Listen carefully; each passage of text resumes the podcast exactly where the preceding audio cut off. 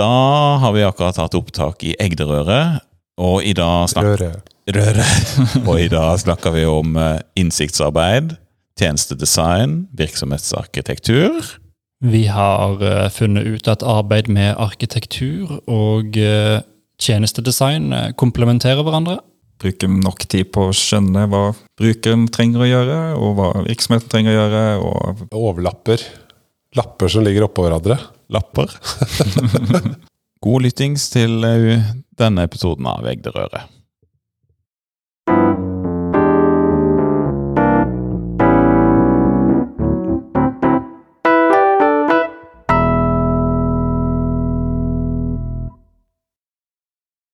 Øyvind Brekkhus Andaker heter jeg. Og hva heter du, Kristian? Jeg heter Kristian Korsvik. Hvor bor du? Jeg bor eh, i Si Korsvik. Kristiansand. Si Korsvik. Bor like ved Korsvik, faktisk. Steinkast unna. Ok. Og så fra Hombosunds eh, Odde har vi Thomas Gauperå. Og Knut eh, Festival bor også i Kristiansand. Gjør du? ok. Eh, I dag skal vi snakke om noe som heter eh, virksomhetsarkitektur og tjenestedesign. Eh, For at vi skal forstå litt mer av hva vi snakker om, så Kristian, en liten intro til hva virksomhetsarkitektur er.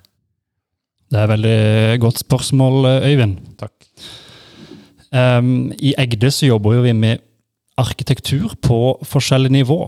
Uh, vi jobber veldig mye med uh, løsningsarkitektur og uh, integrasjonsarkitektur i konkrete, skarpe prosjekter.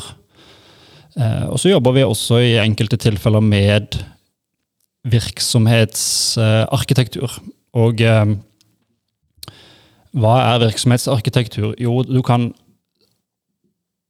anta, eller man, man kan definere på, på det på mange forskjellige nivå, men det dreier seg om å løfte blikket litt opp og få et mer holistisk syn på hva er det virksomheten gjør. Og at du bruker virksomhetsarkitektur som et verktøy på å komme deg fra ett sted til dit du vil. Og Der Da finnes det en del metoder og rammeverk for å gjøre nettopp dette, uten at vi skal begynne å fokusere så mye på de i dag. Eh, Men eh, når man jobber med virksomhetsarkitektur, så jobber du typisk med en form for modellering, og da kan man modellere alt fra strategien til virksomheten og se en kobling mellom strategi, mål, drivere, motivasjon for dit du vil komme, og ha en kobling ned mot arbeidsprosesser. Hvilke applikasjoner er det som understøtter arbeidsprosessene, og hvilken teknologi er det som gjør at disse applikasjonene faktisk kan kjøre. Eh, Så det er veldig spennende å jobbe med. Kult. Veldig kult. Og eh, det var virksomhetsarkitektur og tjenestedesign. Så Thomas, du eh, føler jeg kan si noe om hva tjenestedesign er? Ja, det kan jeg prøve på. Jeg er jo, jeg er jo interaksjonsdesigner selv, så jeg tror jeg tar, setter det litt i perspektiv ut ifra det. da. Så eh, Som interaksjonsdesigner så er jeg spesialist på å få et brukergrensesnitt til å fungere godt. Det skal bli enkelt å fylle ut skjemaer og forstå hva man skal gjøre generelt. Eh, navigere rundt i en applikasjon. Så jeg har fokus på én tjeneste, typisk. da. Jeg ser litt, tenker litt på hva som skjer foran, og hva som skjer eh, etterpå. Men en tjenestedesigner Nå må, nå må alle tjenestedesignere ha meg unnskyldt, for jeg prøver å definere hele fagfeltet deres. Men eh, en tjenestedesigner vil jo da se på alle de, de, det de kaller kontaktpunktene i en tjenestereise. Da. Så eh, kan vi ta et eksempel eh, på universitetet i Nei, på sykehuset heter det? Sykehus uh, UiO? Nei, hva heter sykehus? Uh, Universitetssykehuset. Universitet, ja, så. Beklager litt nervøs. Um, der har de jo kjørt et veldig fint tjenestedesignprosjekt på brystkreft. Som jeg også eh, Ja, jeg har jo en, eh, en kone som har hatt brystkreft, så jeg, er litt, måte, jeg har litt kjennskap til akkurat problematikken rundt det. Og der fant de ut f.eks. at for sykehusets del så, så var jo brystkreft den, den tjenesten startet jo når de fikk en pasient inn på første møte. og når de avsluttet behandlingen og kanskje hadde noen møter i, i noen år etterpå. ikke sant? Uh, mens, uh, mens for pasienten så var det jo når, når, de, oppfatt, når de så at de hadde en, en kul i brystet. sant? Mye tidligere. Ja. Så da vil, jo, da vil jo det første kontaktpunktet, eller første kontakt med tjenesten, være å kanskje gå på nettsidene til eh, universitetet eller sykehuset. Eller mm. Helse Norge, for den saks skyld. Og så er det jo masse følelser og forventninger som spiller inn i den, hele den reisen, da, som går fra de er kjemperedd og oppdager dette her, til de kanskje er ferdig med behandlingen ti år etterpå. Ikke sant? Så, så det er jo egentlig en tjeneste Ja. det er ikke det vi forbinder egentlig med en tjeneste som oftest, for vi snakker mye om det med kanskje med kommersielle tjenester. da. Mm. Men du har f.eks. Uh, flyreise. Fra du tenker på at du skal fly til Alicante til du kommer hjem. Mm. Kanskje en må noen måneder etter. da. Så det, Det her eh, brystkreftcaset, var det ikke der en, en, eh, et funn de gjorde hvor de så at det tok eh, i snitt 60 dager eller sånt nå, fra de oppdaget en kul i brystet, ja. eh, til eh, pasienten hadde en diagnose. Og at de fant den perioden, altså den, de 60 dagene, det var helt grusomt. Fryktelig. Ja. Eh, for du vet jo ikke. Så, og det å få diagnose, eh, begge veier, positiv eller negativ, det var egentlig greit. Eh, når du fikk den, da kan, det klarte du å liksom håndtere. Men det å sånn, vente og være usikker, det var liksom grusomt. Og de tok jo det med da tjenestedesign-tilnærming fra 60 dager til 3 dager. Og de kunne jo da også tatt det enda lenger ned, men da hadde det gått for fort. For da hadde ikke pasienten fått liksom tid til å tenke gjennom og, og sånne ting. Og da jobbet de jo veldig systematisk med alle kontaktpunktene, med informasjon. De jobbet med sykehuset, som har mange spesialister som skal innom og mene noe om det her. Og fikk liksom optimalisert en, eh, en tjeneste eh, som fra primære og ja, spesialisthelsetjenestene. Mm. Ja, Ja, er Veldig godt eksempel. Veldig godt eksempel, for det setter jo litt i perspektiv, da. Hvor, eh, eh, ja, hvor lite design, sånn tradisjonell design, man eh, kanskje er borti da, men det kommer til å endre mye av flyten av eh, informasjon og ja, når de forskjellige kontaktpunktene er og sånne ting. Så før denne podkasten så satt jeg og tenkte på at jeg skal vedde på at Øyvind kommer til å spørre meg om hva jeg synes er en, et godt eksempel på et godt tjenestedesign. Og jeg tror egentlig ikke egentlig jeg har opplevd det noen gang. Nei. Jeg har på en måte opplevd at tjenesten har vært god i perioder, men ikke som helt fra starten av.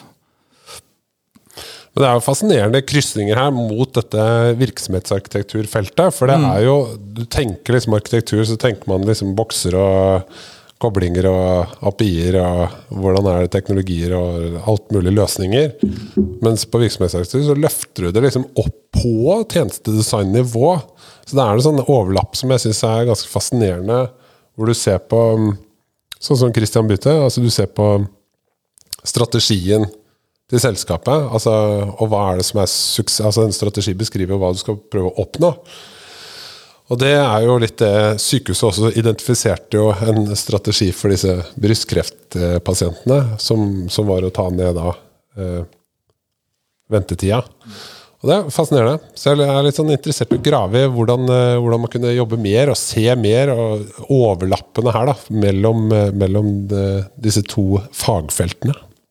For har du en hypotese om at eh, at eh, det passer veldig godt sammen, eller at man kan få til mye bedre løsninger hvis man snakker mer sammen, eller hva er det du Jeg, kjenner at du, du du vet litt hva du tror uh, svaret kan være. Nei, her er jeg, her er jeg på tynn is, altså. Oi. Men eh, jeg ser jo altså, eh, sånn grunnleggende Få inn flere fagfelt til å snakke sammen. Det er bra. Løsninger blir mer robuste. Man har ivaretatt flere perspektiv. Um, så, sånn grunnleggende, ja. Det, det tror jeg på. Og så er det jo denne um, forståelsen uh, mellom uh, teknologi og bruker. Altså, Christian har en teknologibakgrunn. Eh, Thomas har en designbakgrunn. Eh, og det er to liksom, forskjellige tilnærminger. Christian vet veldig mye om hva som er mulig i teknologien, og vet Thomas det òg, da. Fordi han jobber i Egde og er fantastisk, selvfølgelig. Så, men han vet også veldig mye om brukeren, og det vet Christian òg, da. Men, uh, men, det er litt dette her eh, perspektivene som du tar med deg fra teknologisida og designsida, og har litt forskjellig metodikk og, og, og, tanker rundt det, som jeg tror kunne vært uh, interessant. Har du noen gode eksempler på virksomhetsarkitektur, Kristian? Jeg hadde lyst til å gå litt tilbake til det Thomas begynte å snakke om, altså innenfor helsesektoren og sykehus og alle aktørene som er involvert i en slik prosess. Um, fordi den, den Det er så mye kompleksitet involvert i hele opplegget. Så mange personer, så mange roller. Som antageligvis gjør at denne prosessen tar 30 dager istedenfor 3 dager. Og virksomhetsarkitektur det dreier seg jo nettopp om hvordan en virksomhet er organisert. Hvordan arbeidsprosessene er satt sammen, og hvordan IT-løsninger utnyttes på en god måte.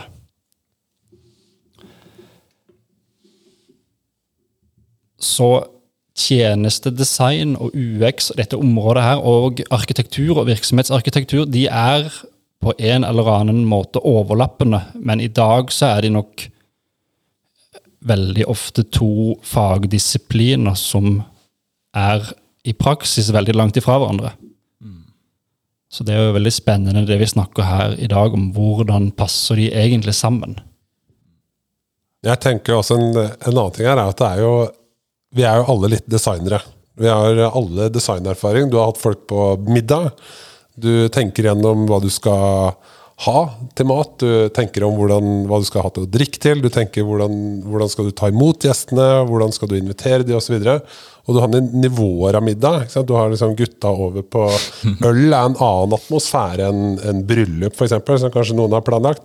Det, det, er ganske forskjellige middagssettinger. da. Så Vi er jo vant til konseptet her også. Altså tenke gjennom prosesser og, og liksom skape opplevelser og skape gode eh, overganger og skape god flyt. da.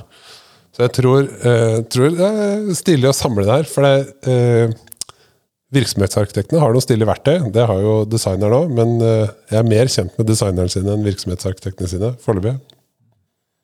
Jeg tenker jo eh, sånn, eh, Litt sånn arkitektbakgrunn har jeg jo, men eh, jeg føler jo at eh, å være en designer skulle jeg ha klart. Sånn der automatisk. Fordi at jeg kan jo invitere til middag. Vi sitter i et glassbur, da. Det Men det er liksom det derre instinktet på ja, hvor vanskelig kan det være? En blå knapp og noe, noe dropdown med noe greier og noe ja, Det kan jeg jo fikse hver dag i uka. Helt til du ser et godt design. Mm. Da legger du jo ikke merke til det. Du, liksom der, mm. Og knappen er blå. Ja. Nei, du, det tenker du ikke. Der er det en knapp, jeg skal gjøre det. Vanskelig liksom, for oss ikke-designere å skjønne hvorfor det her funker. Ja, Men det, det funker ja. mye bedre enn det andre, ja. Jeg husker uh, på UiA hvor uh, hvor vi har en foreleser blant annet i, lokalet, hvor jeg tok det samme faget som han eh, eh foreleser i nå. Og da var det sånn loven om nærhet og sånn. Mm, det, er liksom, det var det viktigste, og det er det eneste jeg sitter igjen med av det faget. At grupper knapper og ting. Mm.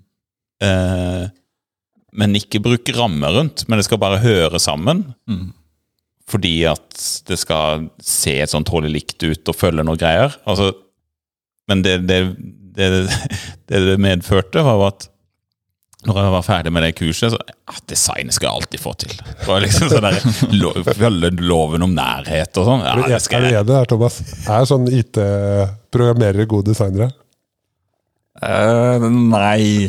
Men er det mange som tror det? Møter du mange som tror det? Jeg møter veldig mange som meg, som tror at man er gode designere. Mm. Jeg, jeg, jeg syns jo at feltet mitt har, blitt, har utvikla seg veldig mye siden jeg begynte å jobbe i 2000. Så nå har, setter de fleste utviklere pris på å ha en, en UX-designer, som de kaller det, i, i et team. Men, eh, og det er noen, det er noen eh, utviklere som, som lager ok grensesnitt, men det er jo det er noe med den um, Ut ifra erfaring ha en magefølelse på hva som fungerer og ikke fungerer. Det er litt komplekst å få alle bitene til å henge sammen skikkelig. da. Um, og så bruker de standardkomponenter på ditt og datt som, som følger et, eh, et, design og en, uh, et system. Og jeg skjønner veldig godt at de bruker det, jeg ville brukt de selv. Så ja, jeg vet ikke hva jeg skal si. Jeg har ingenting, jeg har ikke noe imot utviklere. Nei, men det må være litt sånn der, sånn også rundt arkitektur og sånn.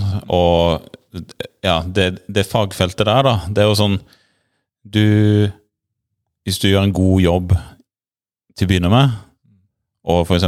med design og legge, legge, til rette for at det skal være godt å utvide det og alt sånt der. Mm. Det samme gjelder jo arkitektur. Hvis du klarer å bygge det inn i liksom alle prosessene i en organisasjon, så vil jo utvidelsen av systemet gå mye mer eh, Ja, det vil gå, være mye lettere å få til, da.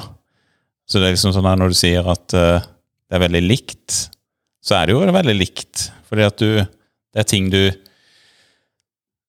Eller det er ting mange hopper over før de finner ut at svart, jeg skulle ikke hoppe over det. Mm. Du legger liksom ikke merke til det før du legger merke til det. Om det er fordi at det tar altfor lang tid å utvide en applikasjon, eller det tar altfor lang tid å gjøre jobben sin fordi at man kjenner ikke igjen designet sitt. Mm. Og Christian snakker jo om et helhetsperspektiv og det å tenke holistisk. og Det ligner veldig på tjenestedesignperspektivet. ikke sant? Mm. Og, eh, og, det å ha så mye innsikt at man skjønner de behovene som, som eh, si, tjenesteleverandørene vil ha da, i fremtiden for å utvikle sine tjenester videre. Og på samme måte med tjenestedesign og brukere. ikke sant? Du må du må, du må, kjenne brukeren veldig godt og skjønne hvor de skal hen, og hva de trenger for å for gjort i dag.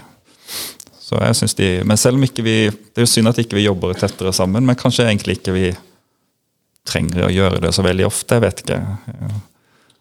Men jeg har litt spørsmål til Kristian. på um, Når du jobber med virksomhetsarkitektur, så, snakker du veldig mye om uh, å kartlegge eksisterende, altså du kartlegger strategien, behovene, målene, arbeidsprosessene, aktørene, og så mapper du på en måte opp en sånn derre Kalles ikke business process eh, modeling eller sånt noe. Og så noe sånt greier. Mapper opp en flyt. Um, hvordan jobber dere da med Eller jobber virksomhets... Eh, er det liksom et domene å jobbe med forbedring av disse prosessene? Altså optimalisering av, av prosessen før du dykker ned i, i teknologi og hva som skal støtte det? Vi jobber ikke så mye med virksomhetsarkitektur i Egde. Vi jobber mer med løsningsarkitektur, vil jeg si. Ja. Eh, fordi Ja, men det er veldig godt Ja, men det er jo veldig godt observert. Det er jo eh, ja, Veldig ofte i Egde så, så, um, så får vi eh, Vi skal delta i en konkurranse, vi skal svare på tilbud, hvor det står beskriv en, en utfordring som kunden har, som vi skal hjelpe dem med å løse. Og da er vi ikke på virksomhetsarkitekturnivå, vi er kanskje mer inne i én spesifikk fagområde i den virksomheten, en spesifikk prosess. Så prøver vi å forstå hva er problemet, hva er det kunden ønsker å oppnå gjennom denne anskaffelsen eller med å, å lage dette produktet.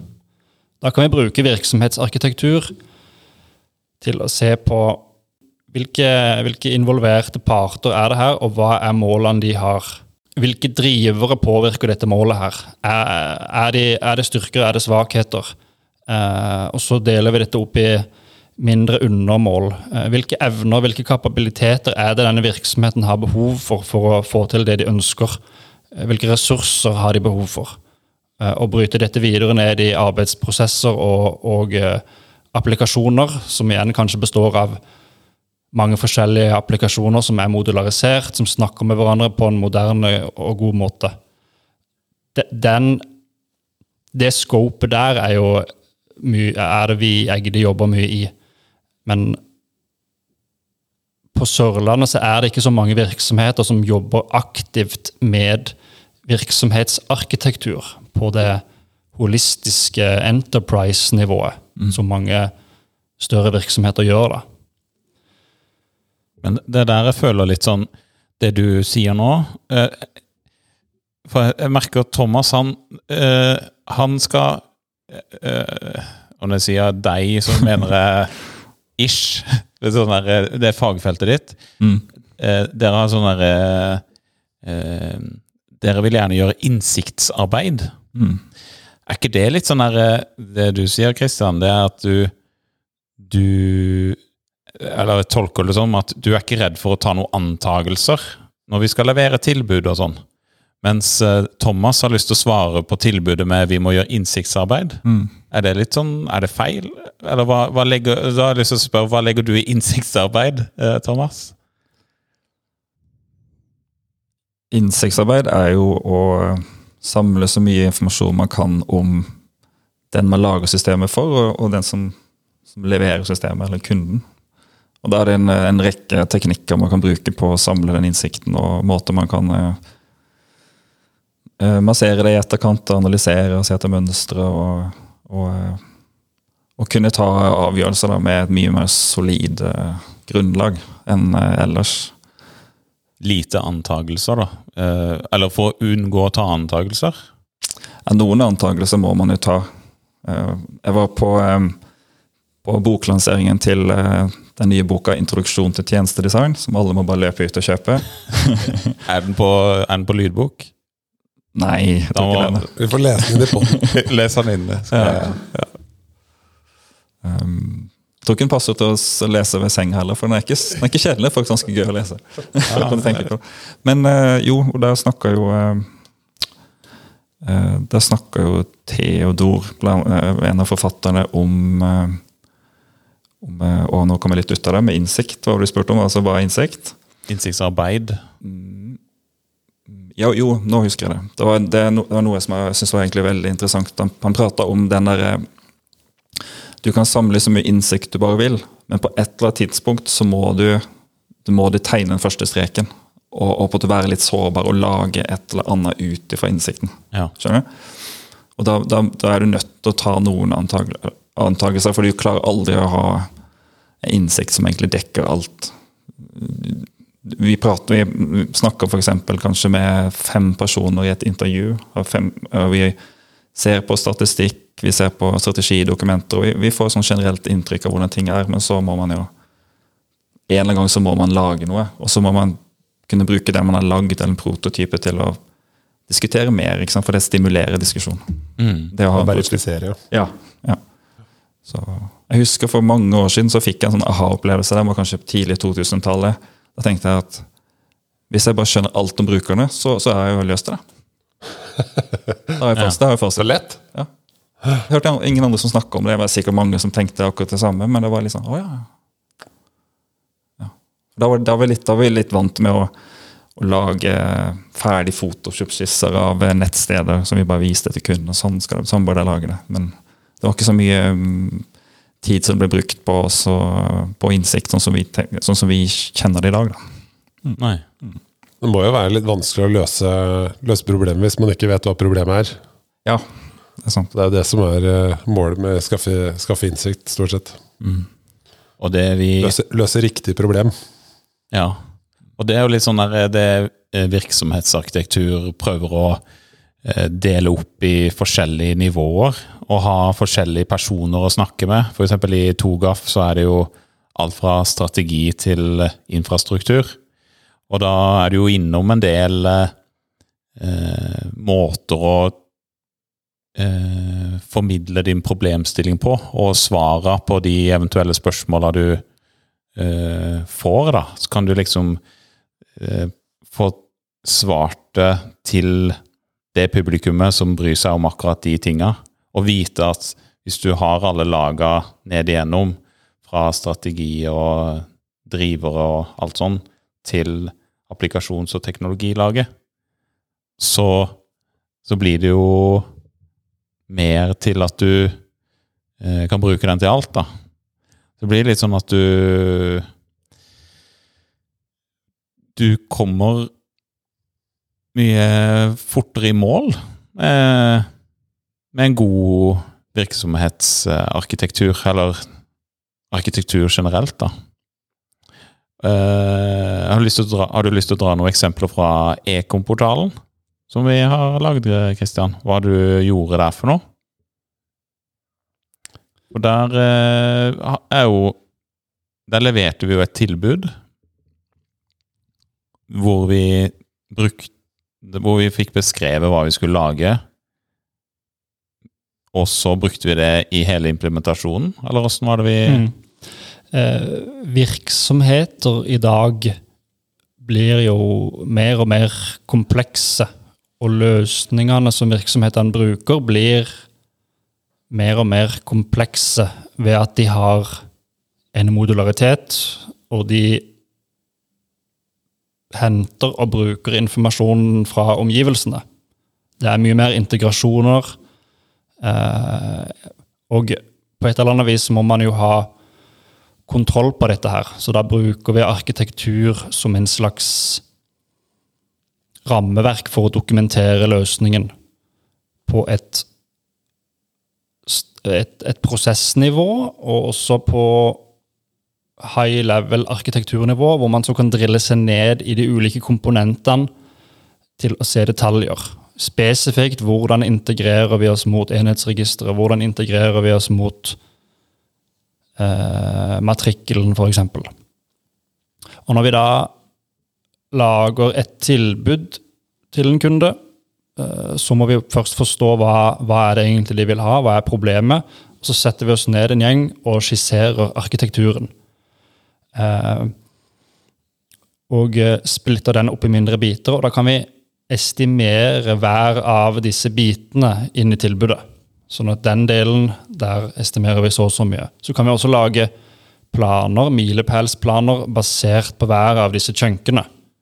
Eh, sånn at vi da på en enkel måte kan kommunisere for kunden hva er det vi skal lage, og, de forstår faktisk hva er det vi foreslår de skal lage. Eh, og de klarer å henge med i, i, eh, i tidsplanen her. Hva er det, som skal gjøres til hvilket tidspunkt? Eh, så det tror jeg er viktig da når man lager tilbud til kunder. At de forstår hva arkitekturen er for noe. og hele tida er trygg på at vi har kontroll. Eh, jeg tror ofte så er det mange som leverer tilbud hvor kunden selv egentlig ikke forstår hva er det leverandøren skal lage her. Fordi det blir uoversiktlig og for komplekst. Eh, Det tror jeg er en nøkkel for å vinne konkurranser, rett og slett. Du snakket nå om eh, å forstå eh, ja, hva som skal lages, og hva som er problemet, da. Unnskyld. Og der er det jo um, eh, Tjenestedesignerne bruker jo en sånn eh, Hva heter det på norsk? Tjenestekart? Service blueprint eller service map? Mm, eller service- mange, service mange deilige navn, men vi kaller det tjenestekart? Eller noe sånt noe. Og det beskriver jo alle aktørene, eh, og kontaktpunkt og flyt, og hva som liksom skjer i prosessene i noen sånne fine lag, da. Eh, og, og nå hadde vi jo brystkreftcaset oppe her i stad. Jeg tror noe av styrken i det prosjektet, og noe av suksesskriteriet i det prosjektet, var jo at det innsiktsarbeidet eh, ble så, ble så tydelig gjennom innsiktsarbeidet hvor hvor det gjorde vondt, og, og, og hvilke prosesser som ikke funka. Og øh, det er liksom historiene fra det innsiktsarbeidet at de satt jo, altså legene satt jo og gråt fordi de forsto hvor heftig det her var for pasientene. Eh, og det er jo de, de har jo en dag-til-dag-jobb, altså de jobber med det her hver dag, men så får du på en måte sett en hel, en hel, en hel tjeneste eh, på en tavle som forklarer eh, alt som skjer. Og det, det tror jeg er noe av styrken i hvert fall til tjenestedesign, og hvordan du kommuniserer det, og, og også da hvordan du kan forbedre tjenester, eh, hvis det er eksisterende tjenester du skal jobbe med videre med. Da. Og det, det er litt eh, stilig å grave litt i hvordan, hvordan dere eh, kommuniserer virksomhetsarkitektur. Jeg har, jeg har tidligere jobbet i et annet firma med veldig komplekst løsningslandskap. Eh, hvor du har ERP-system, SAP f.eks., stor tysk eh, mastodont som består av masse forskjellige moduler. Eh, og så har man da såkalte ABAP-utviklere som sitter og programmerer på å lage nye moduler inn i SAP. Og så på sida av SAP så har man kanskje en SAP-integrasjonsmotor som har sitt eget utvekslingsspråk. Og så har man kanskje BizTalk på sida der igjen, som er en slags uh, uh, integrasjonsmotor for å kommunisere med omverdenen. Eh, og så har man kanskje en tredjepart utenfor organisasjonen. Og så, skal det flyte data da, gjennom alt dette her. hvor da utviklerne på de spesifikke komponentene er ekspert på BizTalk, f.eks. Han kan ingenting om SAP. Og Det er da arkitektur kommer inn i bildet, eller løsningsarkitekt. Den skal ha et helhetlig bilde av hele flyten her av dataen, samtidig kunne dykke litt ned i grøten på de ulike stedene. Mens utviklerne i de enkelte komponentene de kan ingenting om hva de andre komponentene gjør. Og Det er jo litt det samme her med denne helse, en hel prosess. Masse aktører. De bryr seg om å gjøre sin jobb på en best mulig måte, men de vet ikke hva de før og etter gjør, kanskje. Som gjør at de tror at det de gjør, er viktig, og det er det selvfølgelig, og at det de gjør, er fort. Men når de ikke klarer å se holistisk eh, synspunkt på det, så finner de plutselig ut at oh, shit, det tar 30 dager. Mm. Bare en liten sånn eh, analogi. Men det er jo litt sånn eh, Når du klarer å koble det til en sånn alignment og det overordna målet, som går på litt sånn strategi, eller sånn hva du ja, at du får ned ventetida, da, eller et eller annet sånt. Så, mm. så skjønner du jo at din lille ting er veldig viktig i det store bildet også. Så mm. å, å, ha en mulighet til å kommunisere det, er jo veldig kraftig. Ja. Mm. Absolutt. Og, og, hver av disse avdelingene i denne helseprosessen har jo sikkert sine sjefer som er opptatt av at den avdelingen oppnår sånn og sånn tall. ikke sant? Det går bra, mm. men og Det samme med et IT-systemlandskap. ikke sant? Du har jo veldig sånn silo-tankegang, og den avdelingen skal uh, ha sånn og sånn SLA opp på tid og gjøre det bra. Mm. Mens hele prosessen Det kan godt være det er pain points, det er flaskehalser som gjør at, at det, det, å få den dataen fra A til Å, det feiler 50% av gangene. for det er Målinga det er en helt egen podkast. Mm, ja. ja. Måling i komplekse systemer. Det er veldig lett å få målkonflikter når, uh, på, i organisasjoner. Det er jo et tema i seg sjøl. Så, så, virksomhetsarkitektur og, og arkitektur og, og, tjenestedesign det er nok noe overlapp der, men de absolutt komplementerer hverandre. Sånn som jeg, jeg jo ofte dykker, har, har, eh, dykker veldig fort ned i det tekniske og ønsker, hvordan, ønsker, å finne ut av hvordan skal vi løse det her teknisk. Og så sier Øyvind nei, nei, vent nå litt, Kristian. nå... Uh, skal det ikke gjøres et stykke innsiktsarbeid eller tjenestedesign her først? Jo, jo, men så sier jeg ja, vi må komme i gang med å lage noe, bare. Fordi kunden venter. Så, så, det er jo en problemstilling vi ofte har da med at kunden, prosjektet, er ivrig etter å komme i gang. Innsiktsarbeidet har ikke startet ennå. Mm. Det er klassiker. Ja, men det kan man jo gjøre. da. Man kan jo sette i gang med noe, iallfall, før ja. innsikten er på plass. Mm. Det Men det krever jo litt eh, Da tenker jeg at da må innsiktsarbeidet i gang, og så må arkitekturen i gang. Og så kan man starte på noe, sånn at man vet at den arkitekturen man har begynt på, eh, kommuniseres til de som gjør innsiktsarbeidet også. Sånn at ikke det nødvendigvis er at du må gå tilbake til en utvikler som lager en container av noe slag, men at du men at du går til den arkitekten som har bestemt at man skal lage det på den og den måten. Som gjør at utvikleren kan holde på i fred i et uh, mørkt rom med litt neonlys eller et eller annet.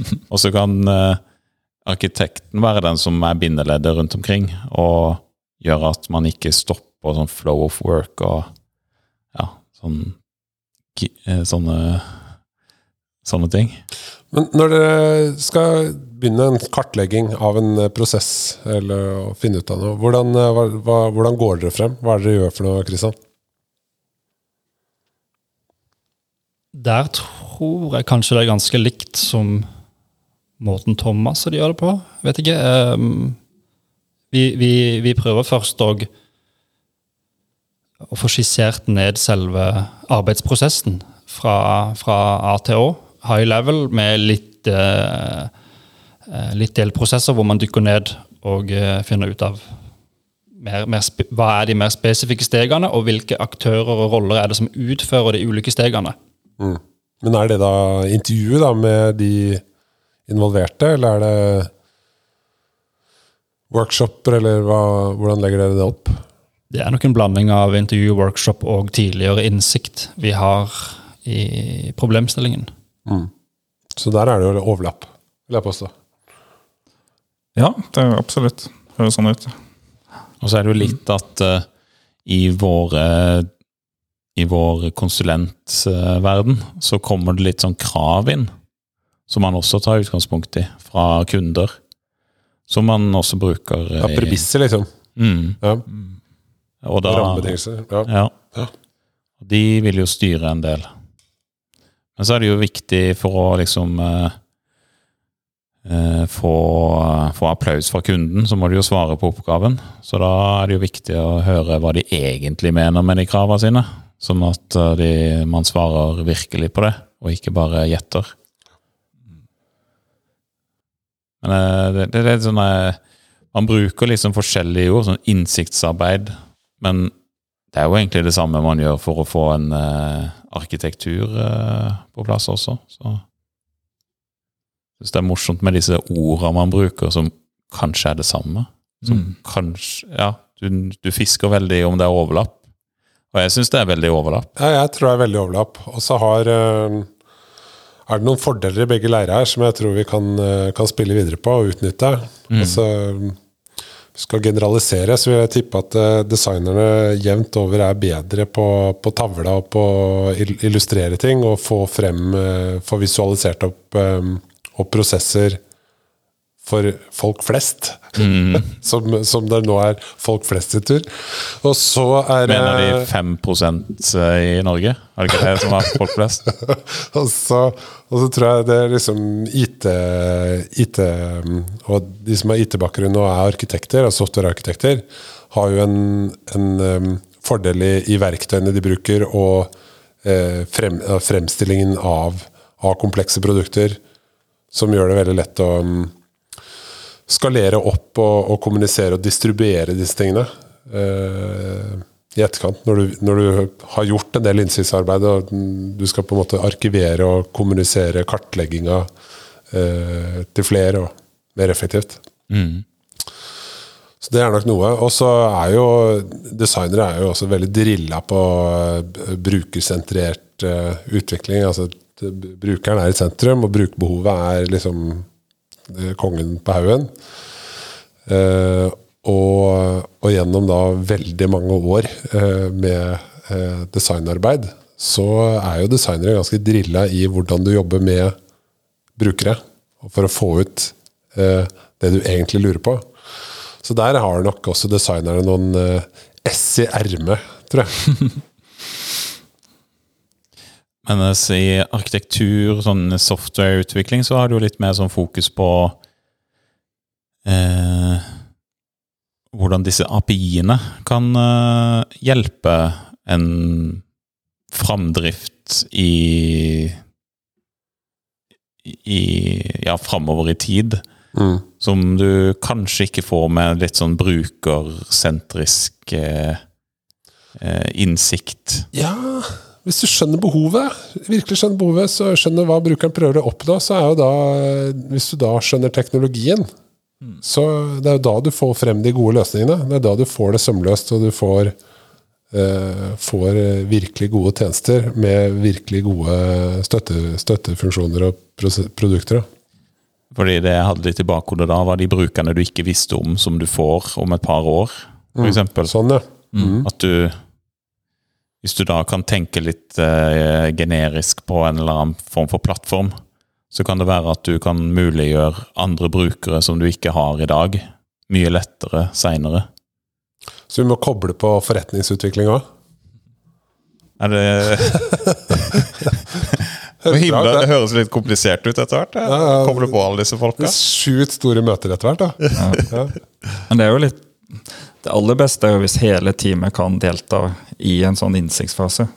Sånn at virksomhetsarkitekten skjønner brukeren, eh, du som backend-utvikler, frontend-utvikler skjønner brukeren.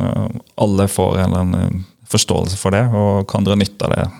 F.eks. å vite hva slags API må vi planlegge for, eh, hvilke behov må vi planlegge for i grensesnittet for, med tanke på navigasjon og fleksibilitet og bygge ut i fremtiden. Eh. Men jeg, jeg har ikke vært i prosjekt selv ennå hvor, hvor man har klart å, å få det til. Men jeg tror jeg, det kommer til å skje, og jeg gleder meg til det. Men det- det- Du er inne på noe veldig interessant. der. Du nevnte det i stad altså rammebetingelser og premisser. For det er jo en, Hvis du setter brukeren i sentrum, og det er en hel sånn hard stopp det, Den dataen har vi ikke, eller det er ikke mulig å skaffe, eller det, det skalerer ikke sånn Helt sånn tekniske, fysiske barrierer. Ja, det må, du jo, det må du jo finne ut, da. Og det vet jo ikke brukeren. Det vet jo IT-arkitekten ofte. ikke sant? Så det er jo noen sånne, sånne ting, og det er derfor det å ha med hele teamet er selvfølgelig en kjempe... Mm, ja, det er helt supert. Det er um, bare um, noe så enkelt som å, å vise noen videoklipp fra Innsikt. Fra et intervju til, eh, til utviklere og til, eh, til kunder og sånn, har jo en utrolig effekt. For du skjønner at det er ekte mennesker der ute Mm. som du lager ting for. Og det er veldig, veldig motiverende for teamet å, å kunne gjøre den koblingen her. Det er helt fascinerende. Ja. Så Brukertesting er et annet eksempel på det. At du, du ser noen sitte og, og bruke løsningen din og slite. Svetten siler. Og da, da får du lyst til å trå til og lage noe, noe, noe bedre. Da. Mm. Har du noen, Even, noen tjenester du synes, som du har eh, møtt i hverdagen som du syns er veldig gode? Jeg er egentlig interessert i å høre alle, dere tre svare Jeg tror på. Christian har en. um, jeg, har jo, jeg er jo på barn nummer tre nå og har søkt om pappaperm tre ganger. Eller eh, hos Nav. Mm. Og de to første gangene så var det jo rimelig sånn komplekse skjema som skulle fylles ut. Og hvis du skulle ha et lite opphold i pappapermen og, og søke om utsettelse, og så må du liksom søke om siste perioden, det, det var jo veldig omstendelig prosess eh, med de to første barna, mens siste barn, nummer tre nå, så, så var det superenkelt. Det var liksom bare logg på Nav, og Nav foreslår det meste du skal fylle inn. eh, Bare sånn Wishart-basert. Next, next, next. eh, Skal ha en lite opphold her. Next, next, next. Så hva er mål? Eh, Og du får en oppsummering av Er det dette her du ønsker? Klikk, send inn. Um, så Nav har jo gjort et stort løft her på veldig mye av sine tjenester. Mm. Og antageligvis gjort et meget godt stykke tjenestedesign og innsiktsarbeid der, i kombinasjon med eh, masse arkitektur og mye under panser, da, for å få alt det her til å, Mm. til å bli som det har blitt. For å liksom, sånn. Nei, eller beklager, eh, tjenestedesign og innsiktsarbeid dykker vel bare til en viss grad ned i kompleksiteten. Eh, og at der tar arkitektur mer over. Hvordan skal vi faktisk løse det her? Det stopper Teknisk. sånn overfladisk beskrivelse av kontaktpunkter. Ja. Det er sånn per telefon, per mail, per ja. Ja, de har, vi, vi snakker jo om eh, Det er sånn to typer sånn visualiseringer innen eh, tjenestedesign. Det er det som heter eh, eh, user journey map, eller brukerreisekart. Og så er det service blueprint.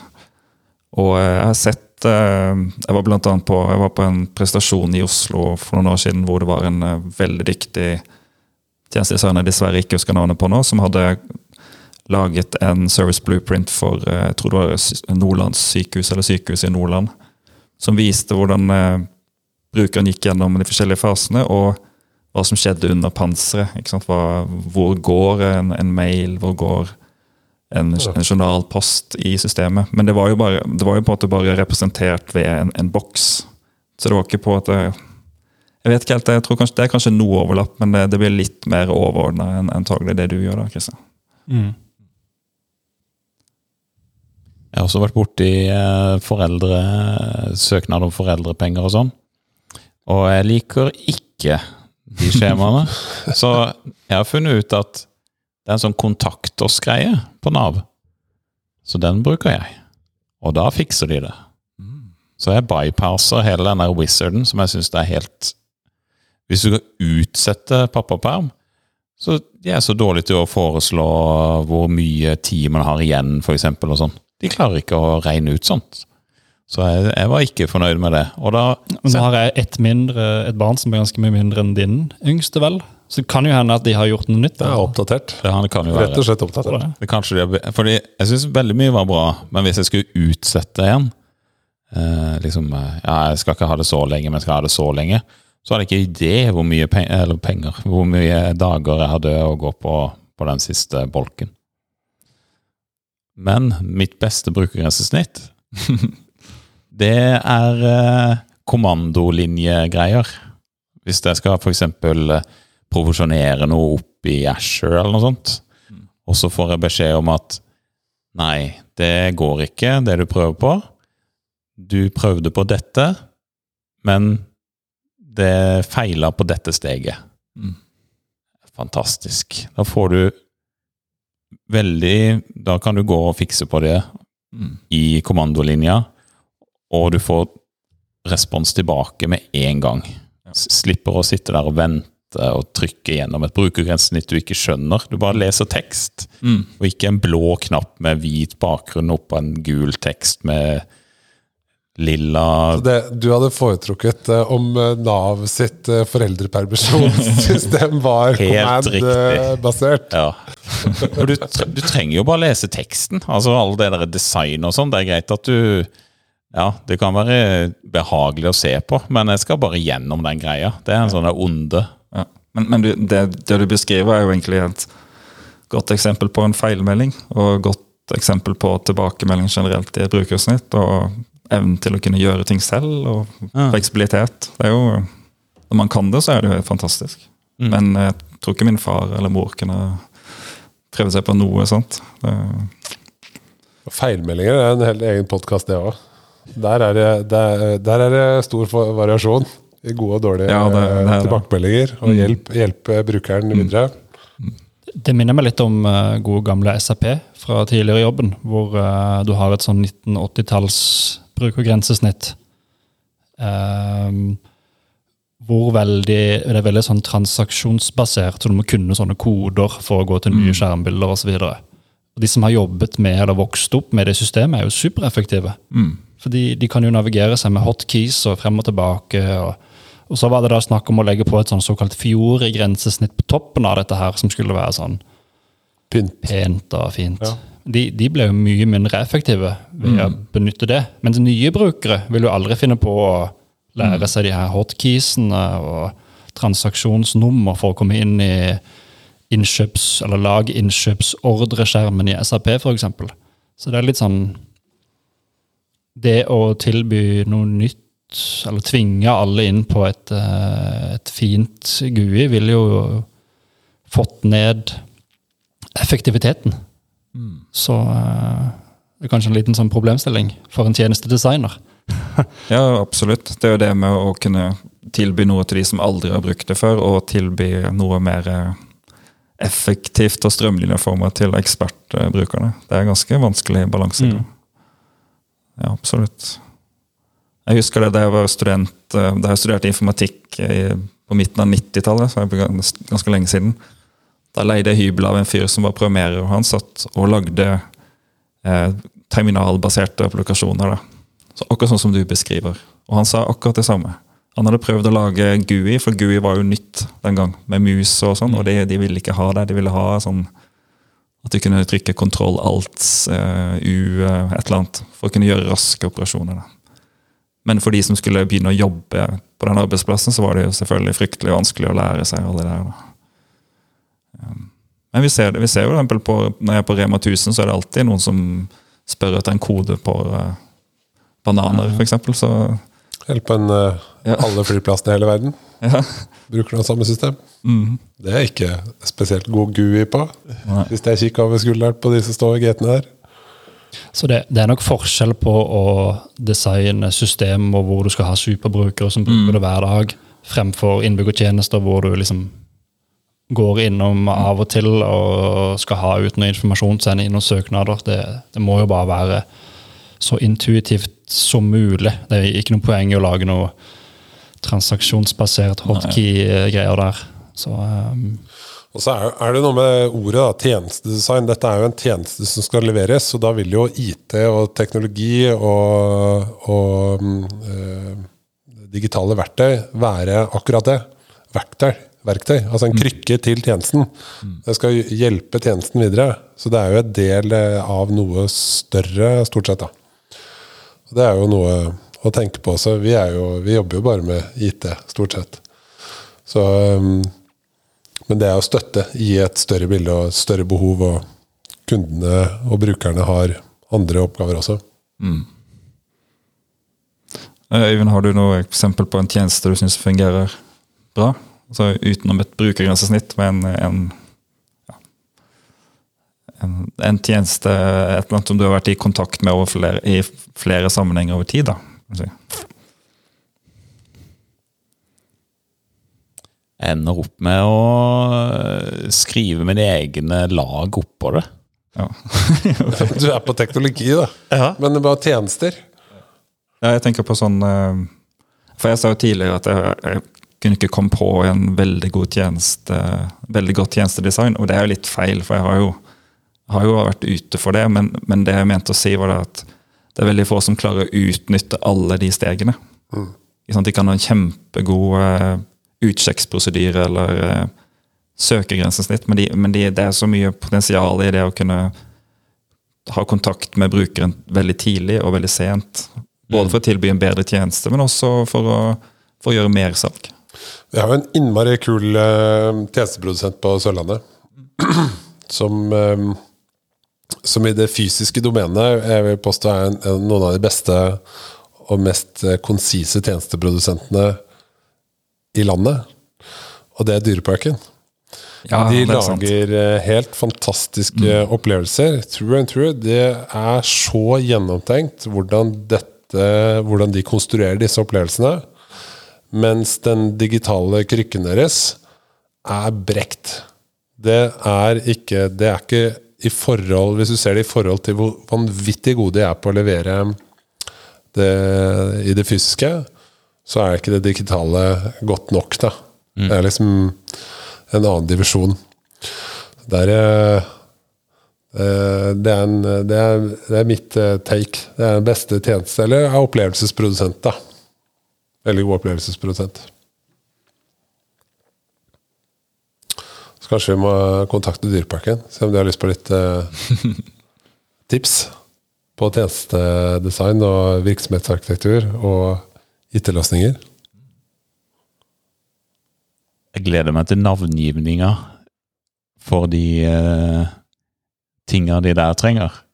Der er det mye å ta av. Hva tenker du? Du har jo, du har jo sånn eh, norsk kulturarv bakt inn i den eh, parken. Ja. Så eh, alle de kamelnavna og Julius og eh, Ja, sånn, ja. Josefine Ja, og ja, ja, ja, ja. alle de der eh, ja, de ga ikke tom for navn sånn med det første. Nei, og de der sammensetningene du kan gjøre med et API for å spørre om det er et, eh, en front-end-ting for å gjøre noe greier. Og alle de navngivningskomboene du har tilgjengelig der, og som kan bety noe for noen. Kjempegøy. Jeg kommer ikke på noen som eh, er skikkelig gode. Jeg prøver å finne noen skikkelig gode design. Sånn eh, Men sånn eh, service, da. Ja, jeg prøvde å tenke på det òg. Dyreparken har fantastisk service òg. Ja, de har det. Gjennomtenkt, det, skjønner du. Men jeg sitter og tenker litt at uh, Dyreparken Det første man tenker på da, er at de burde hatt en app. Ikke sant? De har en app. Ja, de har kanskje en app. Okay. Men den- men, men, men det er noe med at Hva ønsker du i den opplevelsen? Ønsker du å gå, ut, gå rundt og utforske på egen hånd? For det kan man jo veldig fint her. Man kan jo tulle seg bort i dyreparkdelen, og så plutselig så er du på eh, et helt annet sted, og det er veldig gøy. Det er kanskje ikke alltid du vil ha så veldig mange tips om ting. ikke sant? Så det, Mm. det vil være veldig mange forskjellige målgrupper, der, mange forskjellige behov. og man må nok tenke litt annerledes der. Eh, Jeg vet jo at de begynner fòringa i nordisk villmark klokka 13.10. Det vet Eller i hvert fall det for et par år siden. uh, og så vet jeg at de har uh, mating av løvene 12.15. Men når jeg står oppe på kutoppen, og jeg vet ikke hvor jeg skal, men jeg kunne gjerne fått en, eh, med meg noe mating av noe dyr, f.eks. Eh, ringhalelemmuren nede ved apejungelen, så kunne jeg bare trykka på en knapp der oppe. Hva i nærheten av meg nå? Hva rekker jeg å få med meg nå? Kan du Det er jo et perspektiv, men du har jo, altså vi som bor her, vi drar jo bare til Dyreparken. Men de som bor litt lenger unna, de planlegger det her ganske mye mer. Så de har jo en oppstart på Dyreparken-reisen sin som er kanskje til og med et helt år før de faktisk skal dit. Hvor du skal booke opphold, og du skal booke ditt og datt, og du skal ha fly. Og? Den kundereisen der er veldig lang. Og den har eh, ganske mange muligheter for verdiøkning før eh, eh, denne familien, som det stort sett er, da, eh, kommer. Og, og også underveis. Og også i etterkant. For det, der blir tatt bilde av deg i tømmerrenna. Kanskje du ikke tok med deg det bildet på veien eh, hjem, osv. De har, en, de har altså så uh, mange muligheter i det digitale, men du har helt rett. Og jeg tror også de har et veldig bevisst forhold til dette med, med applikasjonen sin. At det, det, er ikke noe, det er ikke noe mål at mor og far skal gå med snuta ned i telefonen når de er i dyreparken. De vil jo at øh, man skal være der med, med barna og se seg rundt og oppleve, oppleve ting. Så, så her, er, det er, som du sier, det er mange, her er det mange behov, mange stilige ting å ta tak i. Og, og, og med tanke på hvor gode de er på, på å produsere opplevelser, så, så kunne det vært stilig å se hva man kunne fått til med, med like gode digitale støtter i, i den opplevelsen. Og så det som jeg snakker om å jobbe sammen med den innsikten. Det er jo Innsiktsarbeid er jo veldig gøy. Mm. Det er jo gøy å prate med folk og gjøre de forskjellige øvelsene som vi vanligvis gjør. Så ja, jeg håper vi kan eh, gjøre det i prosjekter fremover. Men det er jo, det er jo, det er jo alltid, en, eh, alltid et, eh, en utfordring å få solgt det inn. Ja, for det er jo ikke tvil om at det kutter på tida man bruker i de fasene senere. Ja. Men å få synliggjort det tidlig, det Mm. kan være litt kinkig. Mm.